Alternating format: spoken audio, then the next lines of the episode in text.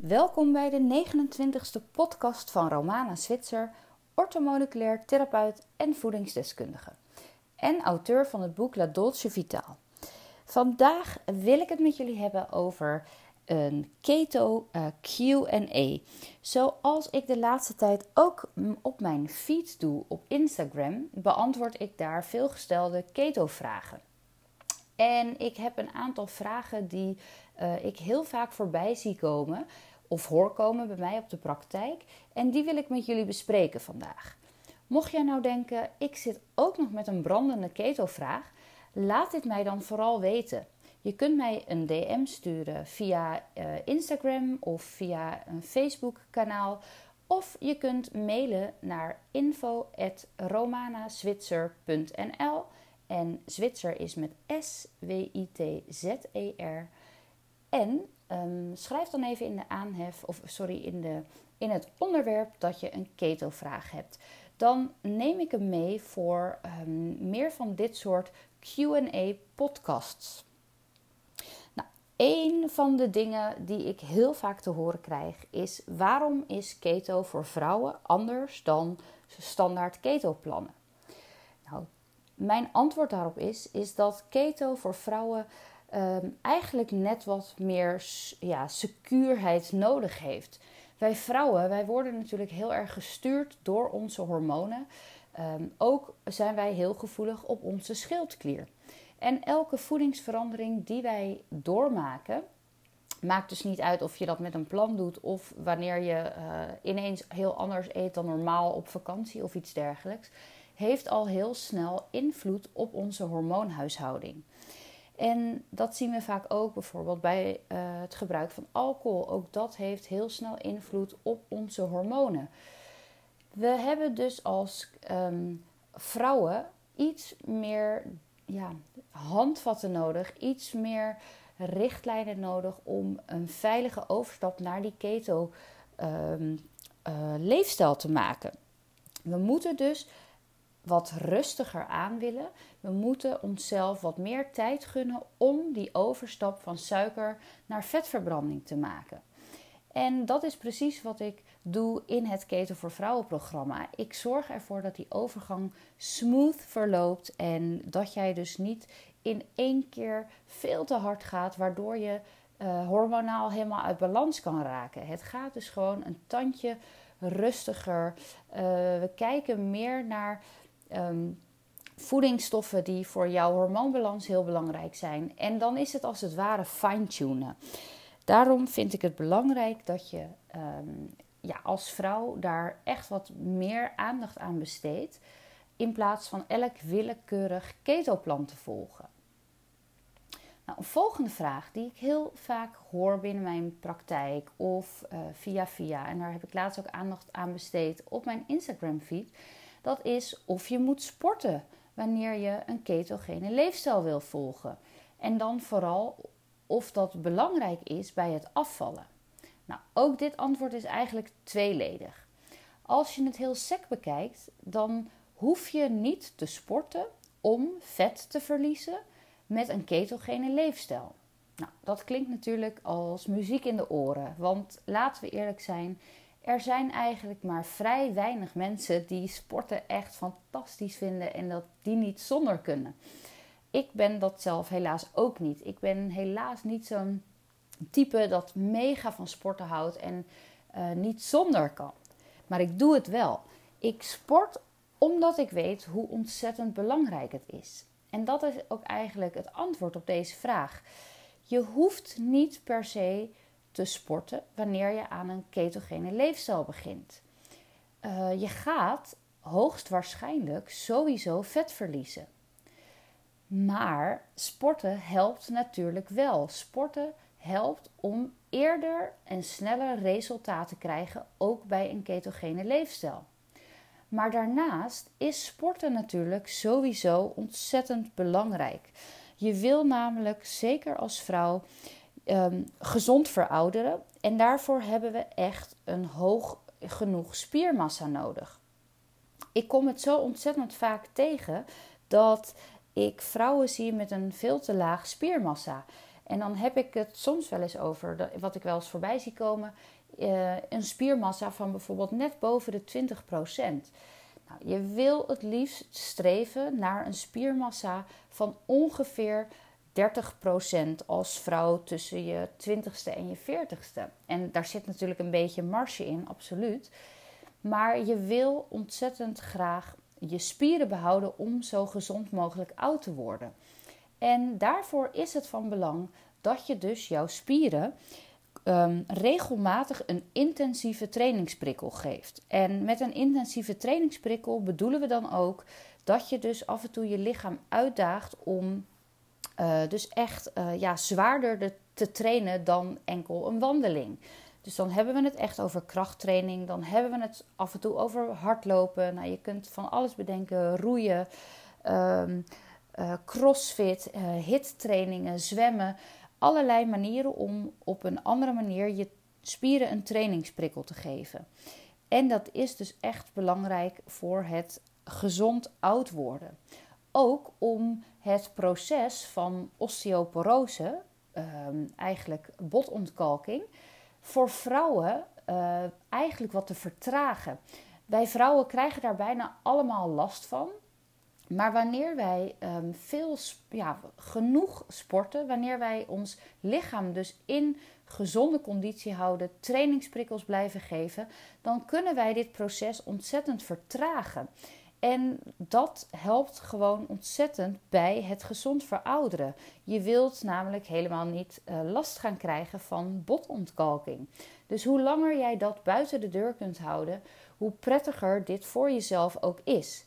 En wil jij dus sneller resultaat bereiken met een ketogene leefstijl, wil jij sneller zien dat je vetten gaat verliezen, um, dan is sporten echt ontzettend aan te raden. Um, daarbij moet ik wel zeggen dat wanneer jij de overstap maakt van een suikerverbranding naar een vetverbranding, dan moet je je lichaam een beetje um, ja, in hoe zeg je dat ook weer? Dan moet je, je uh, jezelf in acht houden. Want je kunt dan niet verwachten dat jij van drie keer per week hardlopen, ik noem maar wat, of twee keer per week naar de sportschool, um, dat kan blijven doen, omdat je lichaam eerst even moet wennen aan die overstap van suiker naar vetverbranding. Dus geef je lichaam daar wel even de tijd voor en doe het een tandje rustiger aan. Ik zeg niet dat je niet moet sporten. Maar ik zeg dat je uh, goed naar je lijf moet luisteren, goed naar de signalen die je lichaam jou afgeeft moet luisteren. En uh, dus dat je even een tandje lager gaat trainen. En je voelt vaak vanzelf wanneer je er weer een stapje bovenop kunt doen. En met luisteren naar je lichaam bedoel ik ook dat stel dat jij uh, altijd Zumba-lessen volgt en jij um, wil dat door blijven zetten tijdens die overstapweken, dan ga je bijvoorbeeld wel gewoon naar een Zumba les. Maar stel dat je dan ook voelt dat het op een gegeven moment niet meer gaat, dan moet je voor jezelf ook kunnen zeggen: Oké, ik stop nu, ik heb nu genoeg gehad, zodat het voor jezelf wel uh, prettig en veilig blijft. Wat uh, kan gebeuren is dat je in die overstapfase eigenlijk wat minder energie hebt. En omdat je lichaam nog niet gewend is om vetten te verbranden, kan het soms zijn dat je bloedsuiker wat keldert. En dan kan je als het ware een hypo krijgen. Dus dat is wel iets waar je voorzichtig mee moet doen in die eerste weken. Ik had dat zelf ook heel erg toen ik overstapte op een keto-leefstijl. Dat ik eigenlijk een paar weken bijna niet kon hardlopen. Het was echt alsof die man met de hamer continu op elke straathoek stond.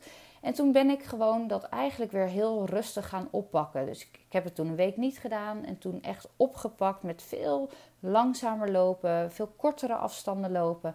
En op een gegeven moment voelde ik wanneer ik er weer helemaal uh, klaar voor was en dat ik weer op een goed niveau zat van hardlopen. En je hoort zelfs mensen die um, sinds ze zijn overgestapt op een ketogene leefstijl uiteindelijk beter presteren in hun sport, um, uithoudingsvermogen en uh, krachttraining dan dat ze daarvoor deden. Sporten is dus gewoon ontzettend belangrijk voor het gezond willen verouderen.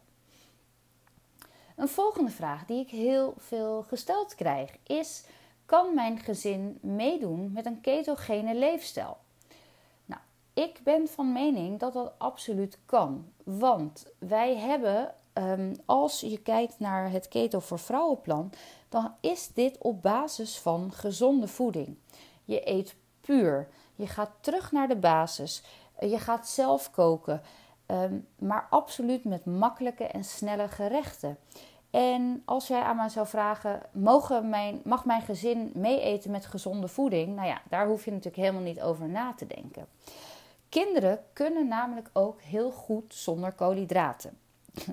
Hele gekke uh, klemtoon, zonder koolhydraten. Ehm, kinderen zijn ook namelijk nog veel meer metabool flexibel dan dat wij zijn. Wanneer jij dus jarenlang een koolhydraatrijke um, uh, dagmenu hebt. Wanneer je dus jarenlang ehm, heel veel koolhydraten eet, dan is jouw lichaam het gewoon niet meer gewend om over te stappen op je vetverbranding. En kinderen hebben dit wel. Ik heb mijn dochters namelijk allebei ook een keer getest. Dat vond ik ook uh, ja, leuk om dat eens te onderzoeken. En mijn kinderen waren dus allebei uh, door de dag heen uh, af en toe in ketose. Zo, en zij eten gewoon koolhydraten ook.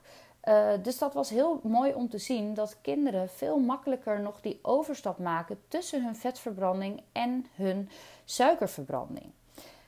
Um, je kunt natuurlijk ook zeggen, joh, ik laat mijn kinderen overdag gewoon hun normale uh, boterhammen eten, crackers. Misschien krijgen ze tussendoortjes mee naar school met kool, koolhydraten. Dat moet je natuurlijk zelf uh, een keuze in maken. Maar je kunt je kinderen zeker ook meenemen in een koolhydraatarme leefstijl. En ook uh, bijvoorbeeld alleen met de avondmaaltijden mee laten eten. Uh, dan heeft een kind dus niet per se koolhydraten nodig en je partner ook niet, want het gaat om gezonde voeding. En als jij gewoon zorgt dat um, de maaltijden voldoende zijn, en dus in die verhouding met eiwitten en vetten, dat dat goed is. Um, dat heb je in ieder geval als je bijvoorbeeld Keto voor Vrouwenplan volgt. Dan, zouden, um, uh, dan zou iedereen in je gezin gewoon mee kunnen eten en ook niet daarna hongerig moeten zijn. Wat je natuurlijk ook kunt doen, is voor jezelf uh, de maaltijden bereiden en voor je eventuele partner of kinderen een portie gezonde koolhydraten erbij maken. Er zijn namelijk altijd mensen die zeggen van nou, ik heb mijn koolhydraten echt nodig of ik heb uh, vanavond een zware sporttraining. Nou, die mensen die, die willen soms niet zonder hun koolhydraten. Nou, respecteer dat dan ook. Dit is jouw keuze. Jij wil dit gaan doen. En maak dan bij de gerechten een portie gezonde koolhydraten voor de meeeters. En dat is eigenlijk altijd bij alle gerechten heel makkelijk te doen. Denk aan um, uh, quinoa. Denk aan zoete aardappel. Het liefst eet je die met de schil. Denk aan uh, volkoren pasta producten. Denk aan, um, wat hebben we nog meer? Bulgur, couscous. Dat soort koolhydraatbronnen kun je natuurlijk altijd erbij maken. Mocht je gezin daarover um, in twijfel zijn. Of mocht jij jezelf daar prettiger bij voelen. Ik zie wel, en althans, ik krijg dat heel veel terug uh, van mijn boek en ook in het Keten voor Vrouwen programma. Dat mensen zo verbaasd zijn dat het ontzettend makkelijk is, dat het heel lekker is, dat het snel te maken is en dat gezinnen dus prima kunnen meeeten. Uh, dus laat je daar ook van niet door de wijs brengen. Zo van ja, ik ga diëten, dus ik moet voor mezelf anders gaan koken. Je kunt echt prima je huisgenoten mee laten eten. Een andere vraag die ik heel veel krijg is: hoe lang duurt het om in ketose te raken? Nou, deze vraag is niet voor iedereen hetzelfde. Dit is een heel individueel proces. Maar voor de meeste mensen geldt dat wanneer zij zo'n 2, 3 à 4 dagen hun koolhydraten beperken tot 25 à 20 gram per dag, dat deze mensen bijna allemaal in ketose raken. Er zijn natuurlijk uh, uitzonderingen. Er zijn natuurlijk mensen waarbij dat minder snel gaat. En dat is allemaal oké. Het komt allemaal voor. Maar voor de meeste mensen duurt dit ongeveer 3 à 4 dagen. Je kunt dit voor jezelf thuis ook heel makkelijk testen met urinestrips. Die kun je bijvoorbeeld bij bol.com kopen, ongeveer een tientje. En dan heeft het ook pas zin om na 2, 3 dagen te gaan testen. Je kunt dit proces eventueel versnellen door aan intermittent fasting te doen tijdens je keto-overstap. Dus je gaat dan eten via het 16-8, um, via de 16-8-methode. Ik heb daar een eerdere podcast over opgenomen. Wil je daar meer informatie over? Luister die dan nog eens terug. Maar je kunt het ook versnellen door in die, over, dus in die eerste dagen uh, uh, te gaan sporten, waarbij je dus de opgeslagen glucose uit je spieren en uit je lever verbruikt. Want ja, van al die um, momenten dat je koolhydraten at, krijg je altijd een opslag in je spieren en in je lever. En daar zit ongeveer voor 2000 calorieën aan uh, energie in. Dus aan suikerenergie, gluco glucose-energie. En als je dan gaat sporten, dan gaat je lichaam deze eerst opgebruiken. Dus wil jij dit proces versnellen, heb je ook het idee van hé, hey, ik raak niet in ketose, dan is dat dus ook een trucje om je lichaam te helpen je overstap um, sneller te maken.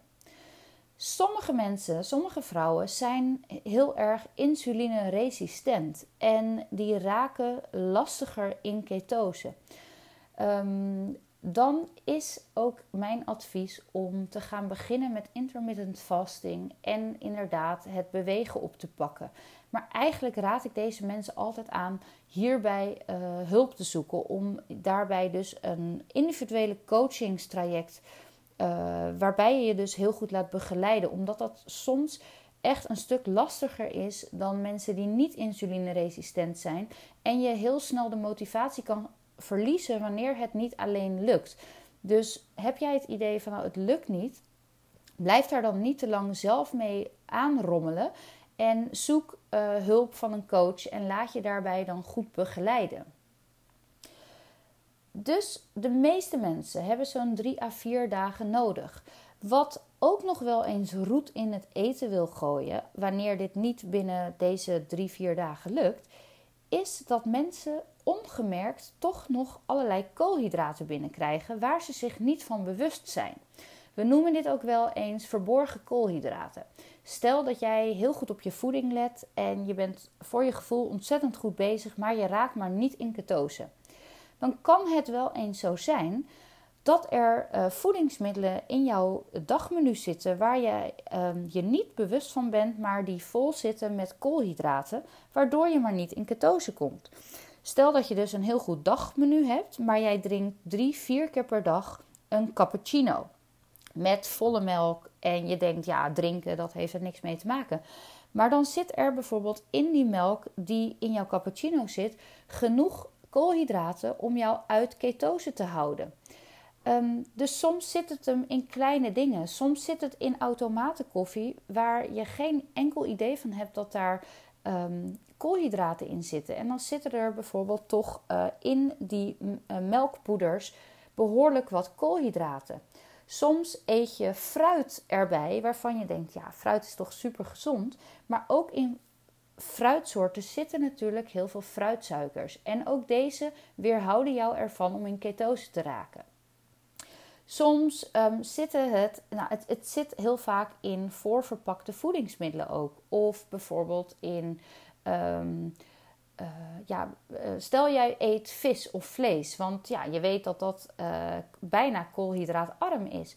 Maar heb jij bewerkte vleesproducten of bewerkte visproducten, dan zijn die bijvoorbeeld wel ineens heel hoog in koolhydraten. Denk bijvoorbeeld maar eens aan krabsticks. Je denkt, nou, hartstikke goed. Ik maak een lekkere krabsalade. Maar krabsticks zijn uh, veel hoger in koolhydraten. Maar ook bewerkt vlees, zoals worsten of um, nou ja, alle bewerkte vleesproducten. Dus check ook altijd de koolhydraten op de, sorry, op de verpakkingen. Om je meer en meer bewust van te raken waar deze in zitten.